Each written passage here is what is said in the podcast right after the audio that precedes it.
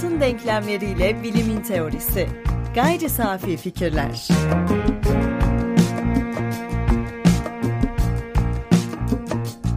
Gayri Safi Fikirlerin 72. bölümünden merhaba. Herkese merhaba. Ben Tansel Erdem Yılmaz. Ben Ömer Faikanlı.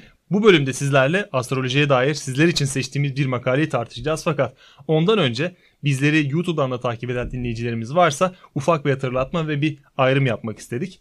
Ee, bizleri YouTube'da görmüş olabilirsiniz e, fakat biz Gayri Safi Fikirler Podcast olarak e, yine bilim felsefesi konuları üzerine çalışmaya ve tartışmaya devam edeceğiz. YouTube'da biraz daha güncel konulara değineceğiz. Bunun yanında gayri safi fikirler çatısı altında Yedinoğlu Amfi'de şimdilerde sofistleri ele almak üzere önümüzdeki dönemde farklı konuları ele aldığımız ve e, amfiden yükselen sesleri e, anlatan bir programımız da devam edecek. Böylece gayri safi fikirler 3 aylık koldan devam edecek. Birisi başladı diğeri bitti diye bir durum olmadığını en azından belirtmek istedik. Tabii hemen şunu da belirtelim. Kendimizi klonlamıyoruz.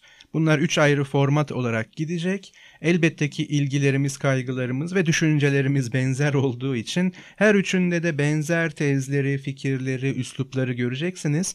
Ama her üç formatımızın da yani Gayri Safi Fikirler Podcast, Gayri Safi Fikirler YouTube ve Gayri Safi Fikirler Yedinoğlu Amfi'de farklılığı yani çeşitlenmeyi sağlamaya çalışacağız. Ama elbette biz ilk programımızdan beri ki 72 veya 73 olduk belki de tam emin değilim. 72. 72. 72 programdır takip edildiğimizi varsayacak kadar iyimseriz ama bize aralarda katılmış hatta direkt bu kaydımızdan bu programımızdan katılmış kişiler de olabilir. Biz kimizi bir hatırlatalım. Tabii kimiz derken nerede ne yapıyoruz çok önemli değil. Biz ilk olarak doğru bildiğimizi söylemeyi amaçlıyoruz ve bunun için de eleştirel düşünmenin ve bilimselliğin dünya için iyi bir şey olduğunu düşünüyoruz. Bunun için de birkaç şeyi aslında bir araya getiriyoruz. Bunlardan biri podcastlerimizde zaman zaman andığımız ama aramızdaki herhangi bir rakamı sayıyı almamış olan Thales. Ee, ilk filozof olarak biliniyordu. Biz felsefeden ve filozofyadan ve Thales'ten gerçeklik hiçbir aşkın unsura gönderme yapmaksızın bilinebilir.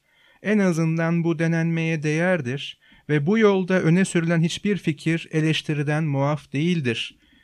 Düsturunu veya da kabulünü alıyoruz. Yani Yedinoğlu Amfi'ye bir gönderme yapayım.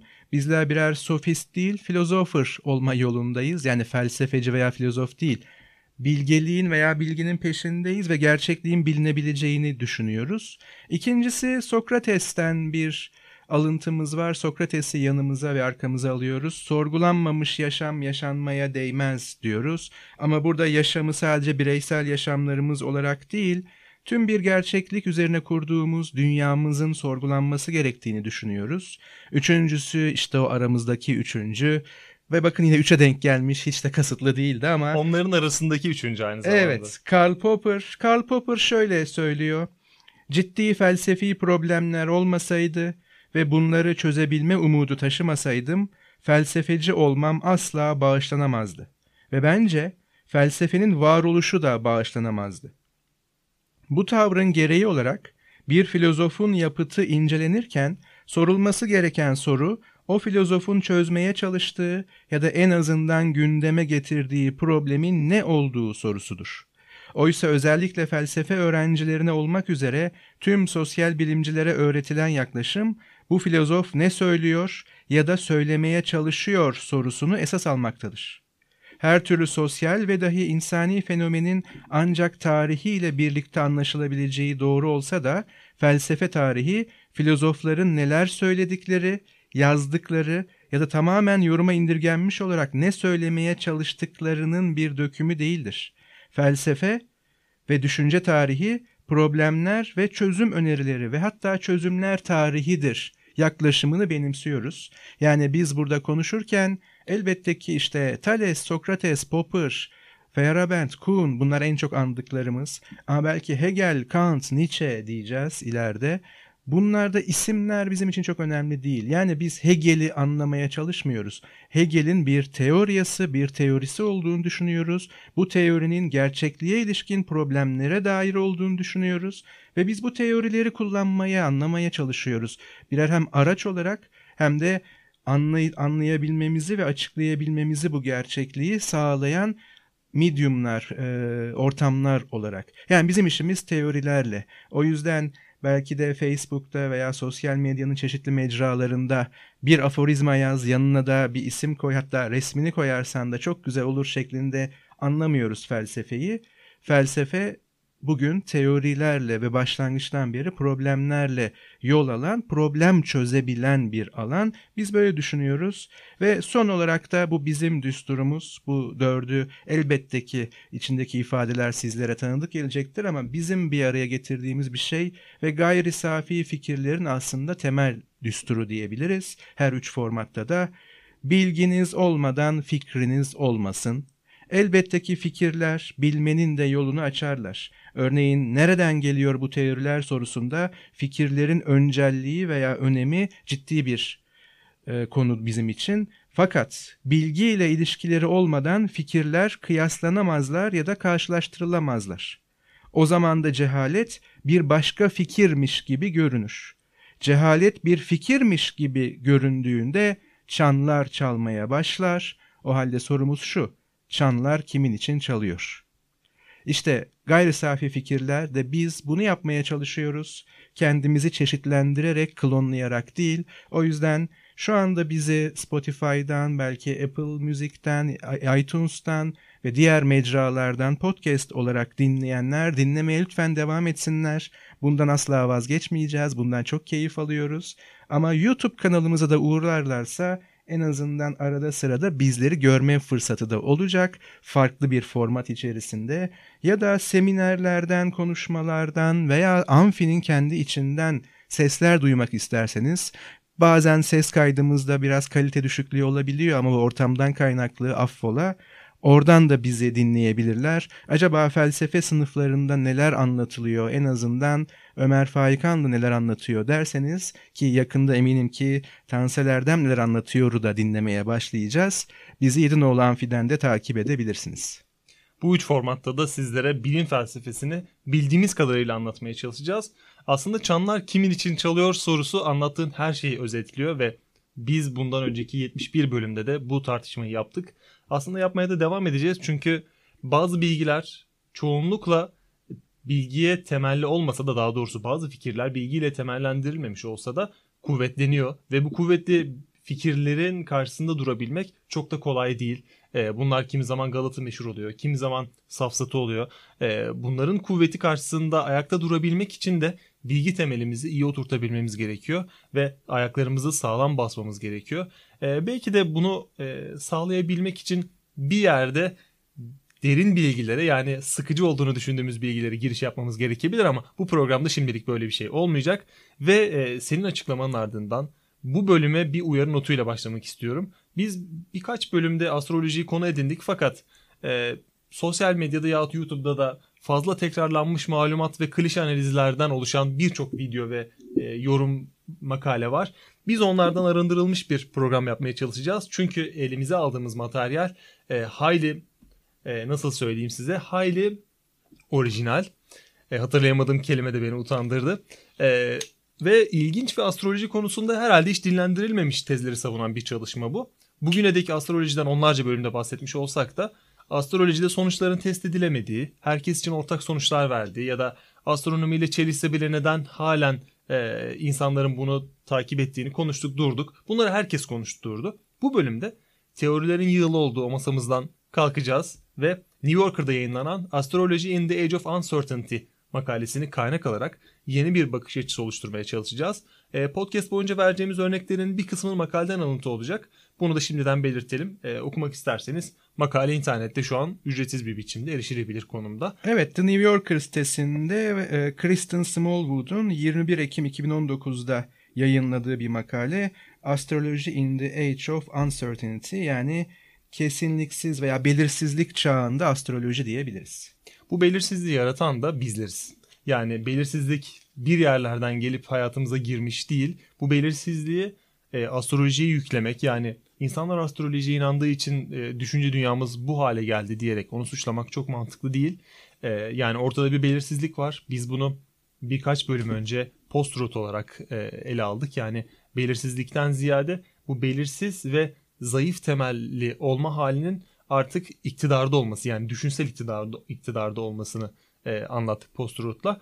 E, güncel duruma baktığımızda yani 2019'a baktığımızda astrolojiye dönecek olursak burç yorumu sunmayan ben herhangi bir site görmedim. Bu siteler çok e, niş siteler olmadığı sürece insanların taleplerini her yönden karşılamak için bir burç yorumu sunuyorlar. Yani insanlar gelsin bunu okusun diyor ve çoğunlukla da e, biraz da ben bu alanın içerisinde olan e, profesyonel olarak çalışan biri olarak bu yorumların e, ciddi anlamda bir kaynaktan oluşturulmadığını söyleyebilirim. Yani hatta çevrenizde de vardır. Eğer astroloji yorumlarını yazan kişiler varsa büyük bir kısmı e, düşünürler. Bugün şöyle olsun, şu gün böyle olsun diyerek bunları yazabilirler. Bunu asla genellemek için söylemiyorum. Yani bunu metodik olarak yapan kişiler olduğunu kabul edebilirim.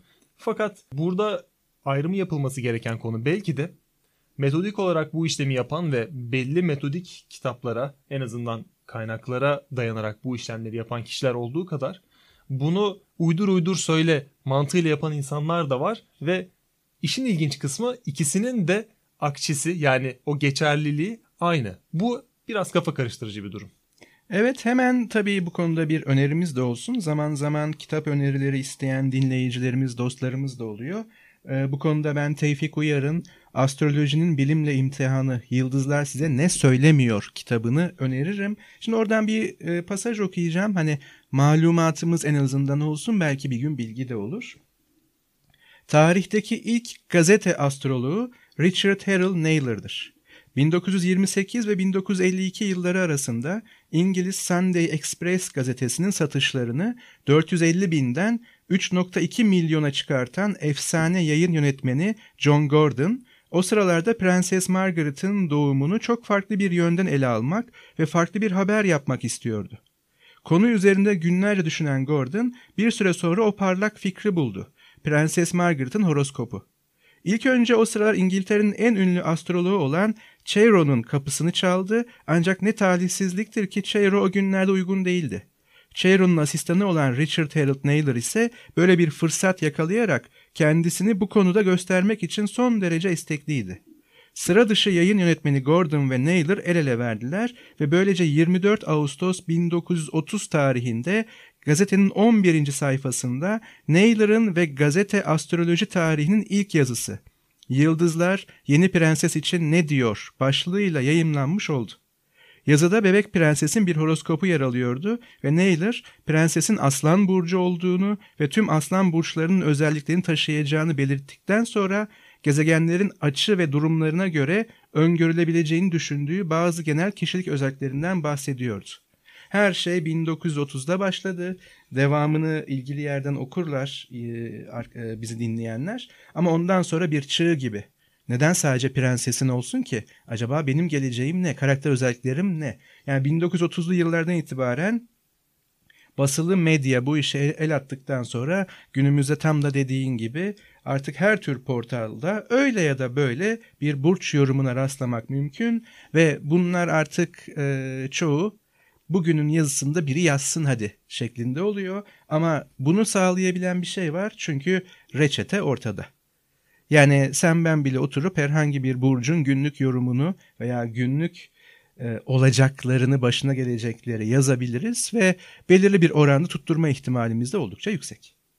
Bu verdiğin örnek aslında bizim incelediğimiz makalede de geçiyor. Hatta makalenin son kısımlarına doğru astrolojinin siyasi ayağıyla ilgili bir örnekte geçiyor. Yani astrolojinin sadece bizlerin hayatını anlatmaktan ziyade bazı politik manevralarda yahut aslında politik manevralarda kullanılabileceğinden bahsediyor. Ee, sadece politika değil, astrolojiye inanıp yine de takip ediyorum diyen onlarca akademik insan olduğunu da biliyoruz. Yani e, evrim teorisini öğretip, astronomiyi öğretip, eleştirel düşünce öğretip ardından ya ben de şu falımı bir okuyayım diyen e, akademisyen sayısı azımsanamayacak kadar fazla. En azından benim gözlemim bu.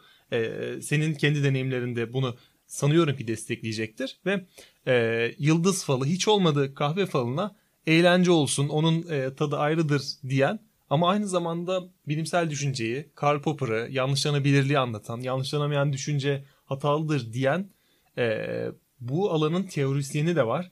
Bu bana ilginç geliyor ama e, Üzerine biraz da düşündüğünde yani o insanla insanlarla karşı karşıya oturduğunda bunların mantıklı bir açıklaması var. Yani onlara mantıklı gelen bir açıklaması var. Çok da üzerine tartışmaya değecek bir konu olduğunu düşünmüyorum. Gökyüzüyle yeryüzü arasındaki ilişki daha doğrusu bizim teorilerle, hipotezlerle, varsayımlarla kurmaya çalıştığımız ilişki çok farklı çıktılar da verebiliyor. Bunu birkaç kez başka yayınlarda söylemiştik. Hemen başka bir örnek vereyim. Doğrudan astrolojiyle ilgili mi diye sorulabilir. Evet ilgili. Çünkü temelinde gökyüzüyle beşeriyet yani insanlık ve insan arasındaki ilişki var. 1571 yılında saraya müneccim başı olarak atanmış olan Takiyüddin, Ulu Bey'in gözlemlerinin güncelliğini yitirdiğini rapor etmek suretiyle 3. Mehmet'i ikna ederek 1575'te Darür Rasadül Cedid'i kurmuştur yani İstanbul Gözlem Evi'ni. Bu rasathanenin Halley kuyruklu yıldızının dünyayı ziyaret ettiği 1577 tarihindeki gözlemi sonrasında büyük bir İstanbul depremi gerçekleşince rasathane bir uğursuzluk belirtisi sayılmış ve tophane sırtlarındaki yapı 3. Mehmet'in ardılı 3. Murat tarafından 1580 yılında denizden topa tutmak suretiyle yıktırılmıştır. Yani gökyüzü olaylarını çok da kurcalama bir uğursuzluk getirebilir. Sen kurcalamasan bile gökyüzü olayları uğursuzluk getirebilir. Hala işte güneş tutulmasından sonra deprem bekleyenler var. Bunun arasında nedensel bir ilişki olup olmadığını zaten hepimiz aşağı yukarı biliyoruz. Bilmiyorsak bile bilim zaten bunu araştırıyor. Ama herhangi bir gezegenin herhangi bir hareketine bağlı olarak neden herhangi bir insanın yaşamında bir şeyler değişiyor veya doğduğum anda e, güneşin arkasında kalan yani bizim ufkumuzda olan burç yani yıldızlar takımı veya yıldız kümesi benim tüm karakter özelliklerimi etkiliyor. Yani bu ilişkinin mekanizma ne? Astroloji bu konuda sessiz bildiğim kadarıyla. Burada bir nedensel ilişki e, açıklaması yok. Ama maşallah diyeyim bunun ötesinde her tür açıklaması daha doğrusu betimlemesi var. Aslında bir şeyi açıklamıyor. Ama daha da öteye giden uygulamalar var. 29 ee, Ekim Cumhuriyet Bayramınız kutlu olsun. 29 Ekim'i Türkiye Cumhuriyeti'nin doğum tarihi olarak alıp bir devletin, bir ülkenin falına bakanlar var. E bu gökyüzü insanla arasındaki ilişki en böyle naif, en e, yumuşak haliyle işte vücudumuzun bin dörtte üçü su işte gökyüzündeki çekim e, gravitasyon üzerinden gidiyor. Bir ülkede neyi etkiliyor gökyüzü olayları? Dünyamızın da büyük bir kısmı su ve biz de onun üzerinde olduğumuz için bizim e, barındırdığımız su dünyamızın barındırdığı su onu e, herhalde göksel yapıların kontrolüne girebilecek bir e, yapıya dönüştürüyor olabilir. Evet biz ona metcezir diyoruz ve aydan kaynaklı olarak kütle çekiminin bir etkisi olarak zaten gözlemliyor ve açıklıyoruz. Ama bir ülkenin yani bir coğrafya üzerinde sınırları belirlenmiş bir ülkenin falına nasıl bakılabilir? Peki Medcezir'in e, astrolojik bir olay olmadığını yani astrolojik olarak yorumlanamayacak bir olay olduğunu nereden biliyorsun? Şuradan biliyorum çünkü suyu çekiyor gravitasyon ve su yükseliyor. Yani ay yaklaştığı zaman diyelim. Bundan nasıl bir beşeri dünyada değişim yaşanacak? Bizim üzerimizde gerçekleşen bir olay olduğu için büyük ihtimalle e, bu olayın etkisi de bizleri etkileyebiliyor. Çünkü dünyanın hareketleri değişiyor. Dünyanın içerisindeki maddeler değişiyor. Bu maddeler de göksel kuvvetler sebebiyle değişiyor. Biz de bu göksel kuvvetlere direkt olarak bağlı olduğumuz için örneğin e, gezegenlerin belli pozisyonları bizleri etkileyebildiği için zannediyorum ki bu tip medcezir olayları yahut e, dünyasal olaylar ve gökten temel, temellenmiş dünyasal olaylar bizleri de etkiliyor. Ee, o zaman sadece ayla ilgili olması gerekirdi. Çünkü ayın ötesinde hiçbir gök cisminin gravitasyonu bizim üzerimizde böyle bir etki yapmıyor. Mesela Merkür'ün retro hareketi ki bunu belki sonra söyleriz. Retro hareketi falan yok bu Batlamyus astronomisinin ortaya koyduğu yani Ptolemaios orijinaliyle astronomisinin ortaya koyduğu modelden dolayı bir geri hareket gibi görünüyor. O bunu açıklamaya çalışıyordu astronomik olarak ama Batlamyus aynı zamanda astrolojinin de temel kurucuları, kurucusu olduğu için belki böyle bir karışıklık var. Ama o terimi kullanalım, o riski alalım. Merkür'ün retro hareketinin burada hiçbir metcezir etkisi falan yok. Aydan sonrasını hiç hesaba katma. Kaldı ki ayın bu hareketleri bile ancak okyanuslarda ne kadarlık bir etki yapıyor gözlemlemen mümkün. Yani senin karakter özelliğini belirleyecek bir durum değil. En fazla şunu söyleyebilirsin ki bu bile safsatanın ucundadır. Dolunay zamanlarında insanlar gergin oluyor. Çok naif bir ilişki kuruyorsun. İşte kütle çekimiyle şununla bununla o kadar. E, gergin olmayan insanlar neden gergin değil? Sadece bunu diyebilirsin. Ya da üzerine müthiş bir kurgu kurabilirsin. Dolunay'da kurt adamlar çıkıyor. Zevkle okur, filmlerini izlerim, korku filmlerini. Bunlar çok korku sayılmıyor gerçi ama bu tarz kurguları seviyorum. Ama bunun ötesine geçemezsin. Oysa sen koskoca bir evrenin bir kere çok ciddi bir kendini önemsemen var. İnsanın hareketlerini, davranışlarına göre bir mekanizma gibi düşünüyorsun. Hiçbir etkisi yok üzerinde.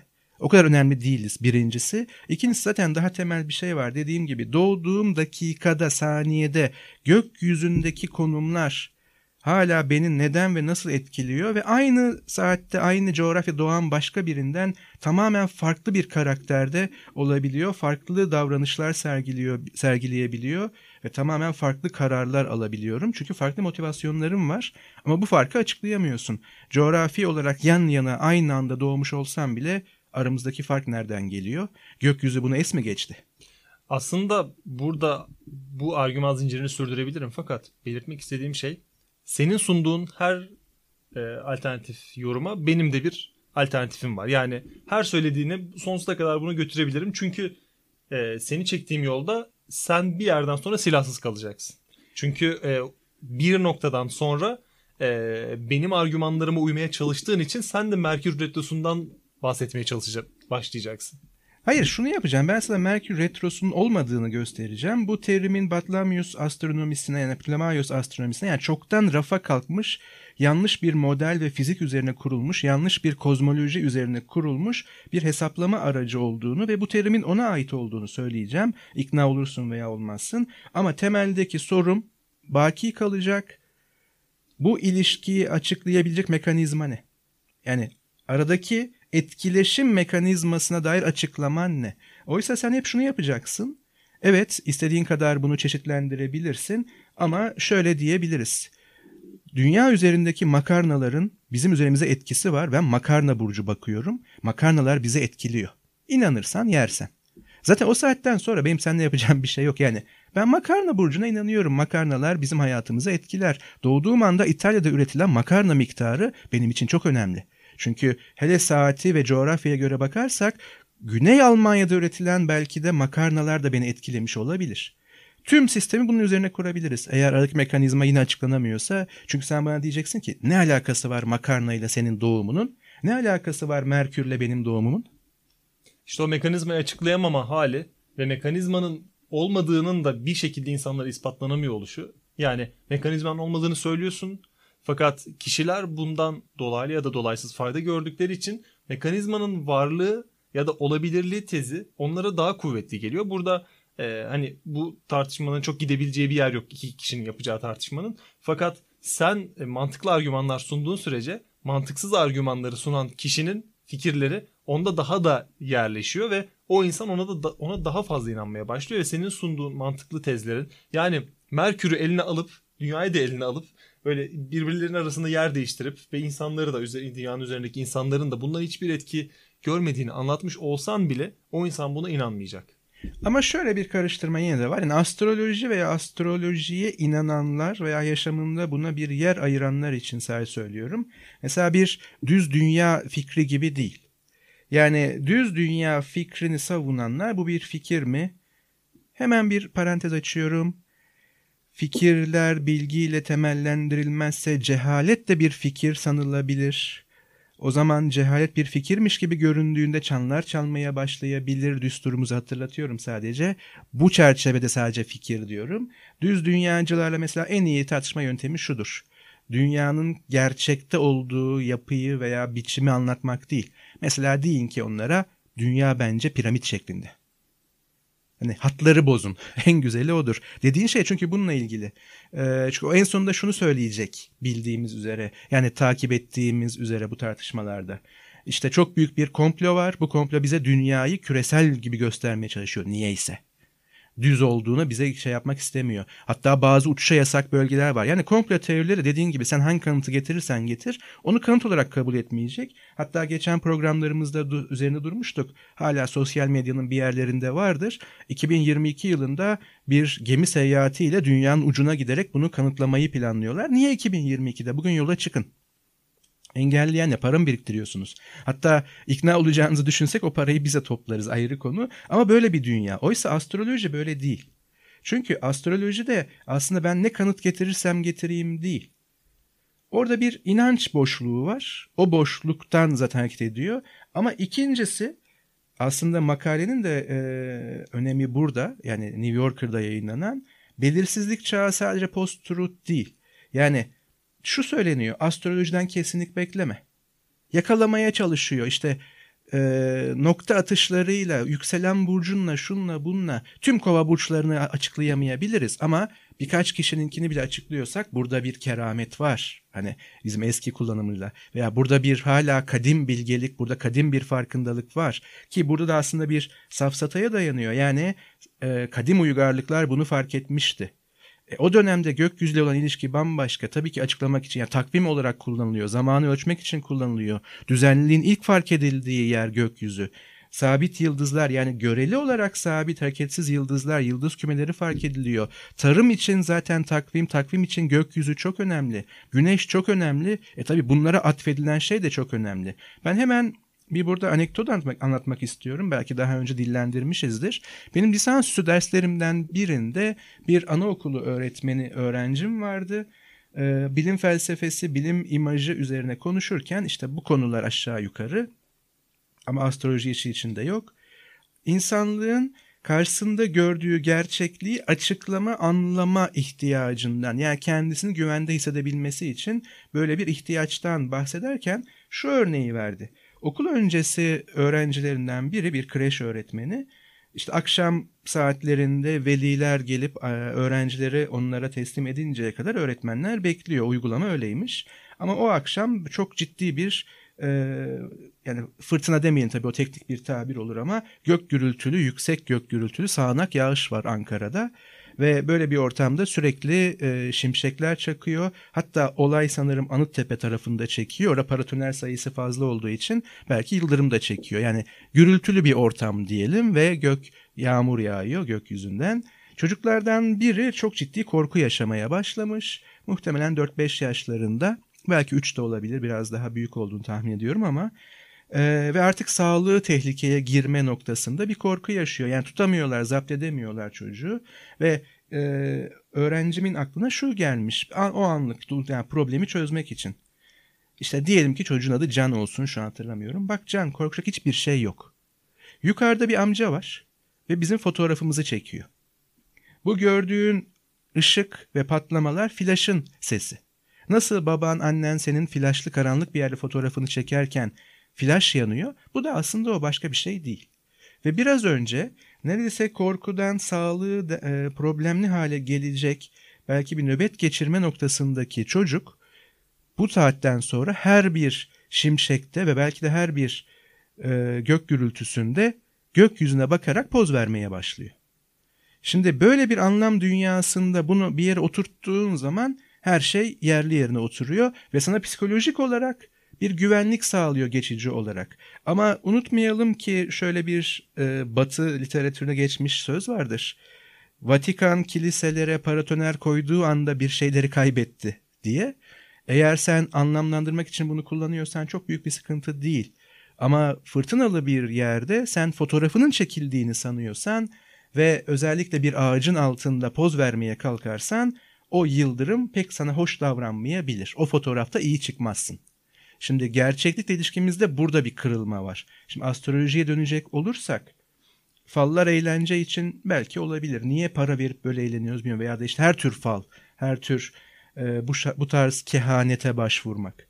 Ama bunun ötesine mi geçiyor acaba? Ama günümüz eğer belirsizlik dünyasıysa ve astrologlar diyorsa ki bu zaten nasıl ki benzetim çok tehlikeli e, ama psikanaliz kişiye özeldir. Aynı iddia orada vardır. Psikanaliz bilim midir veya bilimsel midir değil midir Freudian teori? Kişiye özel derin analizler içerdiği ve bu anlamda tekrarlanamadığı için ancak ana hatları bilinir. Aynı astroloji gibi. Ama burada ben o tarafta değilim. Tartışılması gerektiğini düşünüyorum. Onu hemen belirteyim. Sadece örnek olarak kullanıyorum.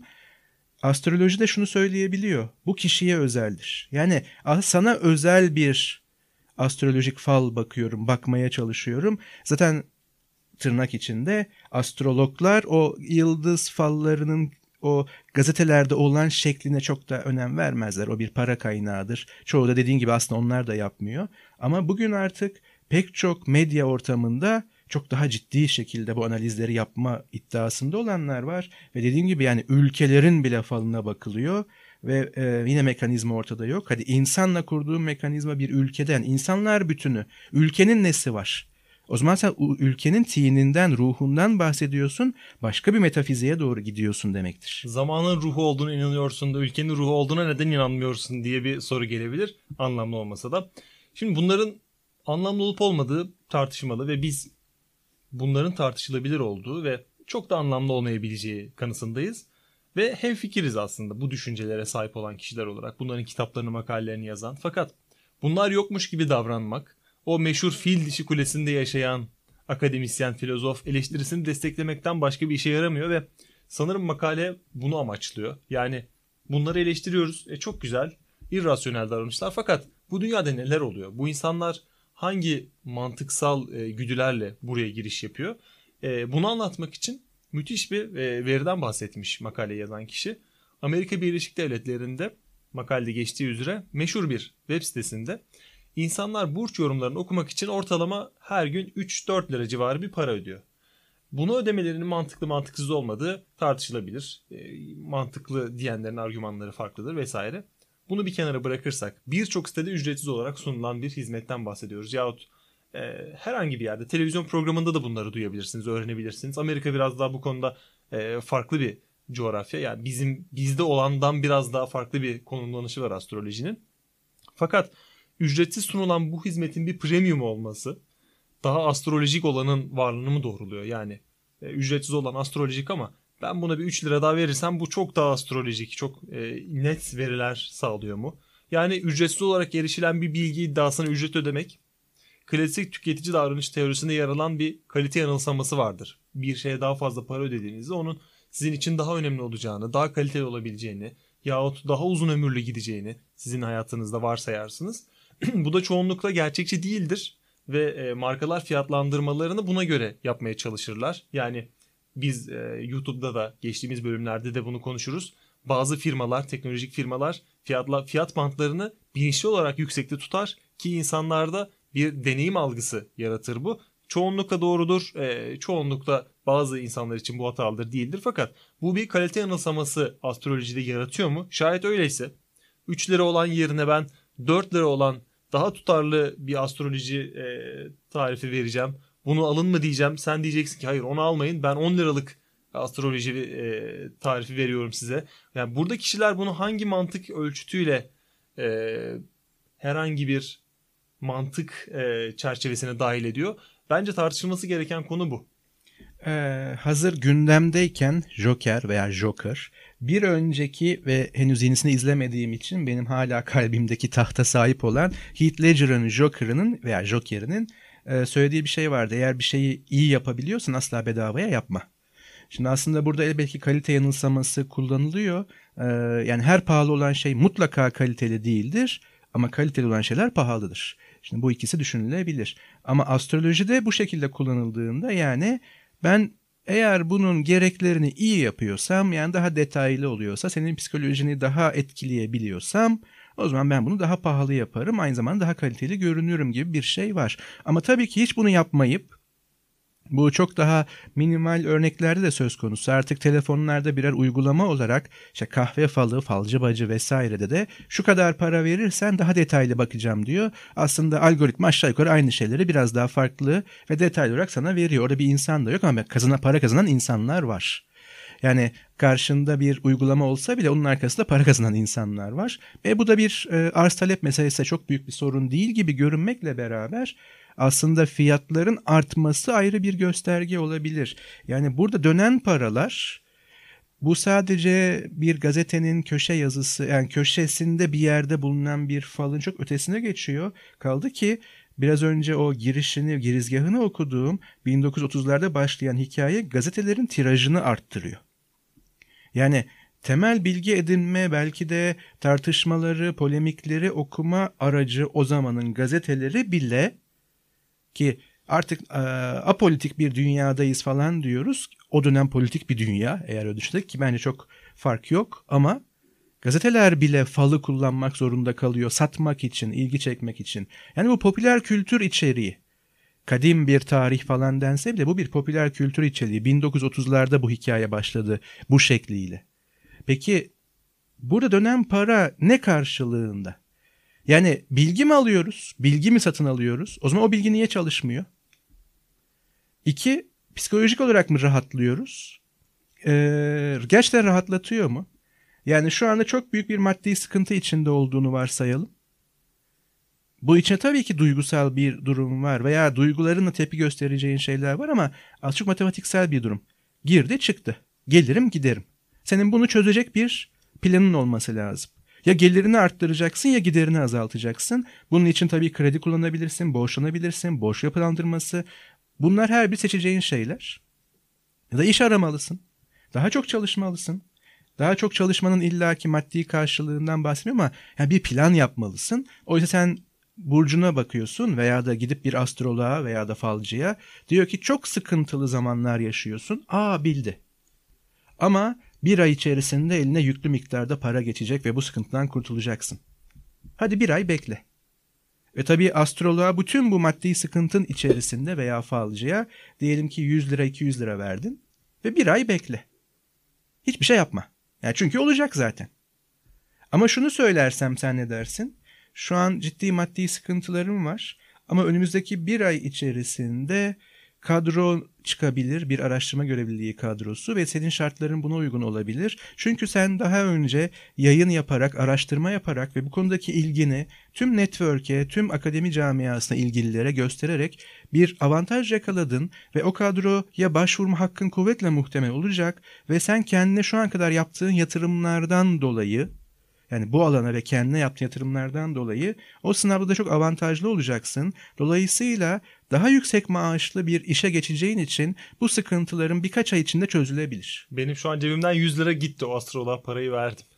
Ben astrolog konuşmadım. Ben bir kehan, bu da kehanet. Belki öngörü bilmiyorum. Ama bunları söylediğim zaman fark ne? Ben sana zaten sende olan bir şeyde olabilecek bir durum nasıl kullanacağını veya kullanabileceğini söylüyorum. Astrolog diyor ki bir aya kadar cebine yüklü miktar para geçecek. Nereden ve niye? Şimdi ihtimal sıfır değil. Bu süreç içerisinde bir piyango bileti alsan veya da sayısal oynasan ve çıksa astrolog bunu gördüğü için değil. Tamamen bir korelasyon denk gelecek. Ama bu fazla iyi niyetlilik olabilir. Yani bu bir ay içerisinde piyango bileti alıp oradan sana bir piyango çıkması ve 1 milyon lira kazanıyor olman o astroloğu net bir şekilde doğrular. Yani onun ortaya attığı e, tezin mantıklı bir açıklaması olmasa da e, sana sunduğu o varsayım aslında doğrulanmış olur. E, bu yüzden o astroloğun söylediğine ben de inanırım. Çünkü bana durup dururken bir ay içerisinde 1 milyon liram olacağını söylüyor ve bu gerçekleşiyorsa onun söylediğinin doğru çıktığını düşünürüm. Fakat ona güvenim artar mı artmaz mı onu tam olarak bilmiyorum. Ama buna cımbızlama diyoruz biliyorsun. Ee, yani ben sana pek çok şey söyleyebilirim. İçinden bir tanesi öyle veya böyle tutarsa ve sen bunu tüm söylediklerimin veya benim yaptığım işin veya yöntemin doğruluğu üzerine kanıt olarak kabul edersen bu cımbızlama olur. Tersten söyleyeyim. Mesela diyelim ki e, sigaranın akciğer başta akciğer kanseri olmak üzere pek çok kanser türüyle doğruda ilişkisi olduğu artık biliniyor. Ama sen şunu söyleyebilirsin. Hmm, benim bir e, amcam var. 80 yaşında. Ömrü boyunca neredeyse ergenliğinden bu yaşına kadar sigara içti ve kanser olmadı. Şimdi tek bu örnek alıp aa bak sigara kanser yapmıyor demen çok da makul değil. Kanserle ilgili diğer onlarca, binlerce, yüzlerce hatta yüz binlerce örnek ne olacak? Ama onlara dokunamıyorsun. Yani bahsettiğin örnek doğru olabilir. Fakat e, bir tane yaşanılmış ve deneyimlenmiş, birebir dokunulmuş, hissedilmiş örnek 100 bin kişinin yaptığı araştırmadan genellikle daha fazla etki ediyor. Aslında dokunmuyorsun. Sen aslında kör bir bakış içindesin. Çünkü iki tane fenomen görüyorsun. Biri olumlu, biri olumsuz. Amcam bildim bile sigara içiyor. Nihayetinde şu anda kanser değil. Bir kanser olmadığını nereden biliyorsun? Yani o yaşı görmüş ama vücudunda kanser hücresi var mı yok mu bilmiyorsun. İki, onun artı koşullarını veya ek nedensellik zincirlerini hiçbir şey bilmiyorsun. Sen iki tane çok kaba fenomeni bir araya getirip tümevarımsal olarak tek bir örnekten yola çıkıyorsun ve sigara ile kanser arasında bir ilişki yoktur gibi bir sonuca ulaşıyorsun. Bu sonucu da sigara ile kanser arasında ya tütün ürünleriyle kanser arasında bir ilişki vardırı araştırmış, defalarca sınamış ve sınamaya devam eden, bu konudaki araştırma devam eden bir başka yöntem bütününün veya bir başka dünyanın yani bilimselliğin karşısına aykırı örnek olarak çıkarma iddiasındasın. E birkaç örnek daha bul ve bunu açıklamaya çalış derim yani. Hani bu işin cımbızlama örneği sadece başka bir yere elbette gidebilir. Belki bir günde tıp ve alternatif tıp konuşuruz. Neyin alternatifi? Yani modern bilimsel tıp ve alternatifi. Ya da tamamlayıcı tıp hangi eksikleri tamamlıyor falan gibi sorular sorabiliriz. Ama astroloji de aslında tamamlayıcı bir öğe gibi görünüyor hayatımızda. Olumlu anlamda kullanmıyorum. Çünkü şizofrenik bir şekilde bölünme yaşıyoruz. Yani sabahtan akşama neden sonuç ilişkileriyle uğraşan bilimsel bir kavrayışı işin profesyonelinde üretmeye çalışan birine bir sohbete girişiyorsun. Ee, işte Ahmet şöyle bir şey yapmış. Soru şu. O ne burcuydu? Ya da falcı bacı uygulamasının olduğu akademisyen sayısı bence azımsanamayacak kadar fazladır. Hemen söyleyelim. Yani bu işin eğlence kısmıyla hiçbir sorunumuz yok. Yani hatta bizim bunda bir sorunumuz da yok. Yani biz burada bunu konuştuk diye böyle bir bayrak taşıyan cephedeki militan falan değiliz. Baş söylediğimiz gibi doğru bildiğimizi söylemeyi amaçlıyoruz ve eleştirel düşünmenin ve bilimselliğin dünya için daha iyi olduğunu düşünüyoruz. Biz buradan teorik arka planları da kullanarak aslında bir yol almaya çalışıyoruz. Ama işin eğlence boyutuyla ciddiyete vardığı boyut çok ince bir çizgi. Ki o para vermeye başladığınız anda veya nüfus sağlamaya başladığınız anda oluyor. Yani hala çok e, temel bir yerde şizofrenik bir kırılma sizin zihninize ekilmiş olabilir. Ben yıllar önce hatırlıyorum belki hala da aktiftir birilerinin zihinlerinde. Galatasaray Fenerbahçe'yi yenemiyor Saraçoğlu stadında. Çünkü bir falcı veya işte neyse o astrolog vesaire oradaki bir büyüyü kaldırdı ve karşı bir şey yaptı. Şimdi buna ihtimal verdiğiniz anda dünya görüşünüzün içinde bir çatlak oluşacak. Ve o şizofrenik bir bölünmeye gidecek. Şizofreni derken asla psikiyatrik bir teşhis olarak şizofreniden bahsetmiyorum. Düşünce bütünlüğünüzde ve gerçeklik algınızda kırılmalar başlayacak. Yani Galatasaray Fenerbahçe'yi büyü olduğu için veya da bu tip bir şeyden dolayı yenemiyor fikrine bir kredi vermeye başladığınız anda acaba mı dediğiniz anda gerçeklik algınızda bir çatlak oldu demektir. Ve o çatlaktan sonra nereye sızacağı ve nasıl bir fay hattı yaratacağı hiç belli olmaz.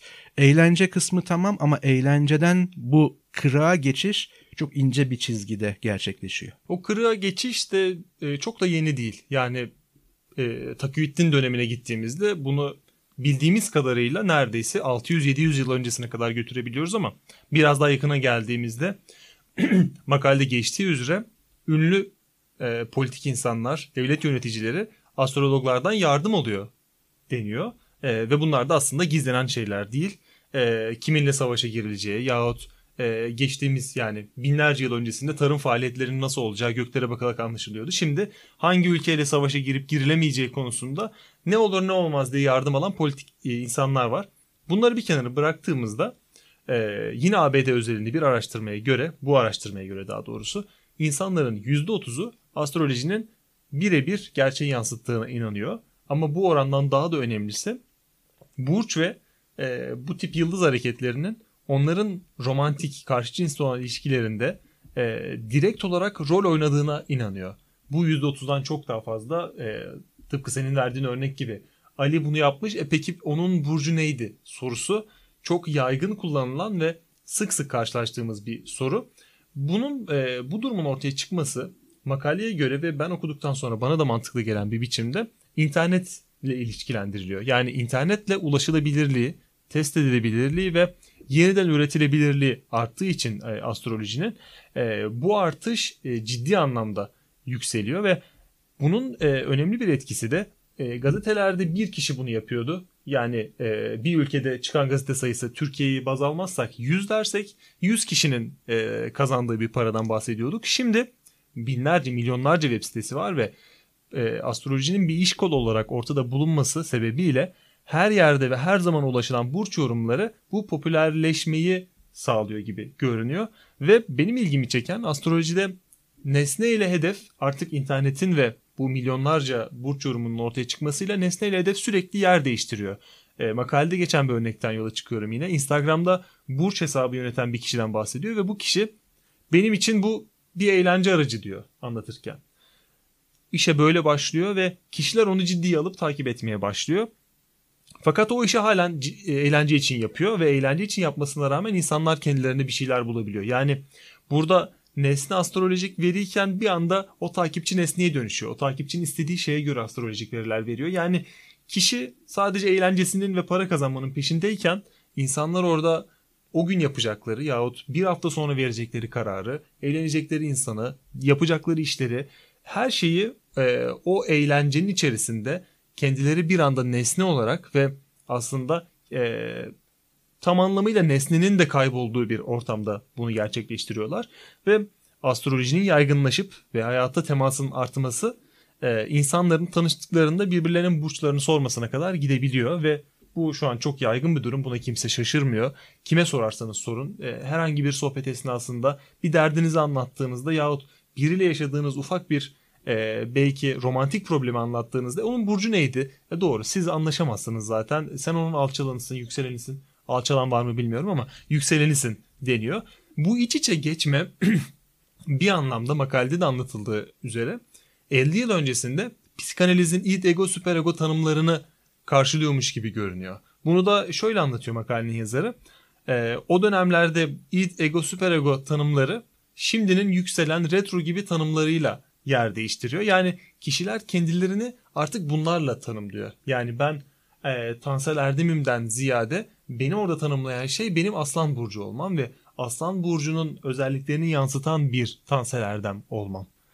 Burada e, id ego süperego tanımı da bunu aslında iyi biçimde karşılıyor. Çünkü orada da kişilerin kendilerinden ziyade onların kontrolünde olmayan şeylerin, onların benliklerini e, değiştirdiğinden bahsediliyordu.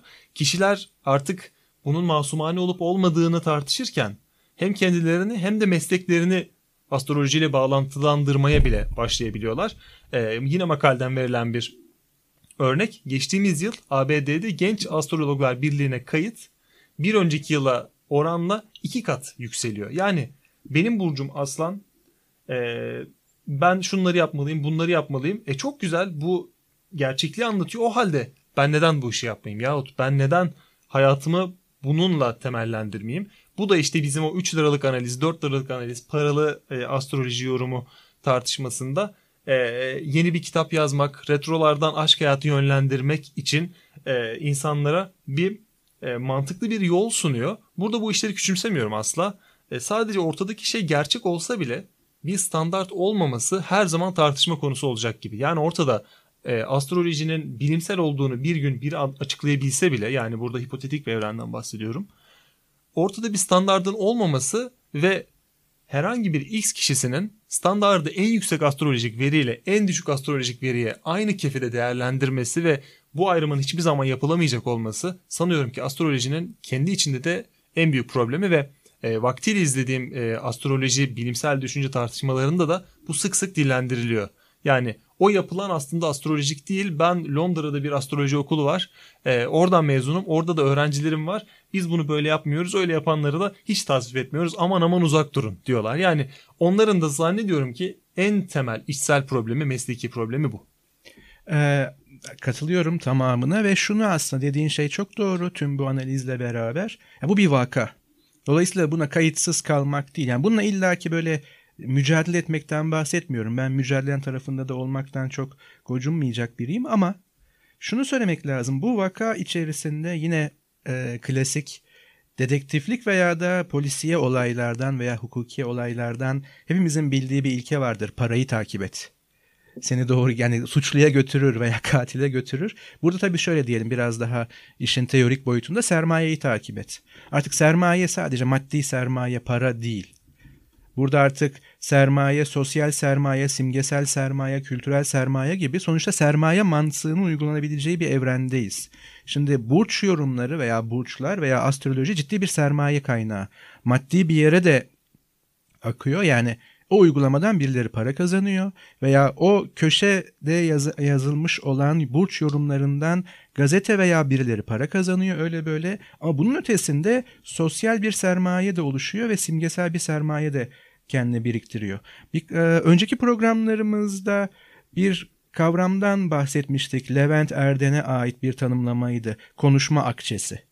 Mesela hemen şimdi ben ekşi sözlükten alıyorum yani oradan çok rahat bulabilirsiniz. Örneğin futbol maçı bir konuşma akçesidir. Dün akşam izlediğiniz maç karşınızdaki kişi kim olursa olsun konuşacak bir konudur. Sabahtan başlayıp akşama kadar devam edebilecek kadar değerli bir konuşma akçesi. Yani bu bir sermaye biriktiriyor sana.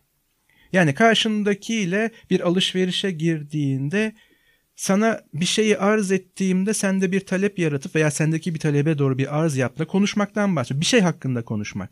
İşte futbol, siyaset bizde çok yaygın ama belki neredeyse astroloji veya burçlar kadar değil. Hemen her ortamda burcunuz neydi sizin ciddi bir konuşma akçesi. Yani bunu bir para birimleri gibi düşünelim.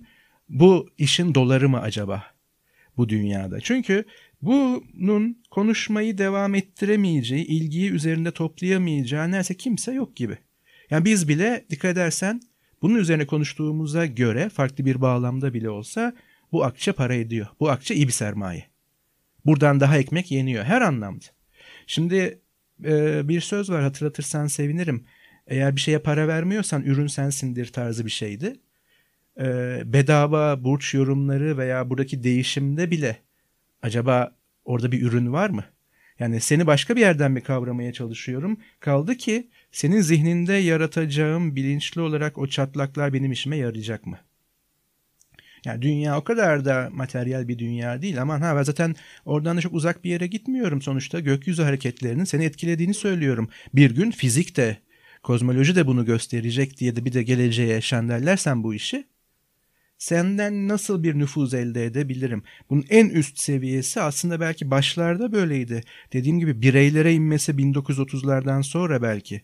Ama bu işin kökeninde astrolojiyle uğraşanlar kralların yanı başındaydı. Yöneticilerin yanı başındaydı. Benzer bir şekilde İstanbul Rasathanesi'nin yıkılması olayında padişah akşamdan sabaha düşünmedi. Ona birileri danışmanlık yaptı veba var, gökyüzü gözlemleri bunlar birbirini tetikliyor. Çok karıştırmaya gelmez oralar şeklinde. İşte o yönetim erklerinin yanına giden o danışmanlar olduğu zaman bu işi yapanlar veya böyle düşünenler, gerçekliği böyle koyutlayanlar, gerçekliği böyle kavratmaya çalışanlar, işte o zaman başımıza büyük işler gelebilir. Çanlar bizim için çalıyor olur. Çanların kimin için çaldığı uzun uzun tartışma konusu ve e, bu tartışmayı bu şekilde yönetmemiz benim e, beni çok mutlu ediyor. Çünkü e, astrolojiye inanmak bunlar çok saçma. İşte gezegenler şöyledir böyledir bunlardan anlam çıkmaz deyip kestirip attığımız noktada aslında kimseyle anlaşamayan noktaya geliyoruz ve biz e, belki de bu konuda halen şüpheli olan e, insanlar için belki de birazcık e, mantıklı bir yol sunmaya çalışıyor olabiliriz. Yahut biz de kendi aramızdaki tartışmadan onlara e, bir şeyler sunabiliyor olabiliriz. E, burada belki e, astronominin insanlara sunduğu bağlam önem kazanıyor. Yani senin bahsettiğin gibi de, kralların yanında bulunan e, astrologlar ve şimdi cep telefonumuzda bulunan astrologlar bizlere e, yaşamda bulamadığımız o amaç için bir bağlam sunuyor olabilir ve bu bağlamda kıymetli ve aynı zamanda tehlikeli. Bu kıymetin tehlikenin ayrımını yapmak için tartışmaya devam edeceğiz. Bir sonraki bölümde bizleri dinlemek için e, yine gayri safi fikirler YouTube kanalında, Spreaker'da, iTunes'da yahut e, bizi dinleyeceğiniz herhangi bir mecrada görüşmek üzere. Görüşmek üzere ama son bir şey söyleyeceğim. İtalya'daki makarna üretim miktarını takip edin ama İtalya'da üretilen pizza miktarı da bunu etkilediği için ona da bakın. Doğduğunuz tarihteki o makarna miktarı ve pizza miktarı sizin tüm geleceğinizi belirliyor. Görüşmek üzere. Hoşçakalın. Hayatın denklemleriyle bilimin teorisi. Gayri safi fikirler.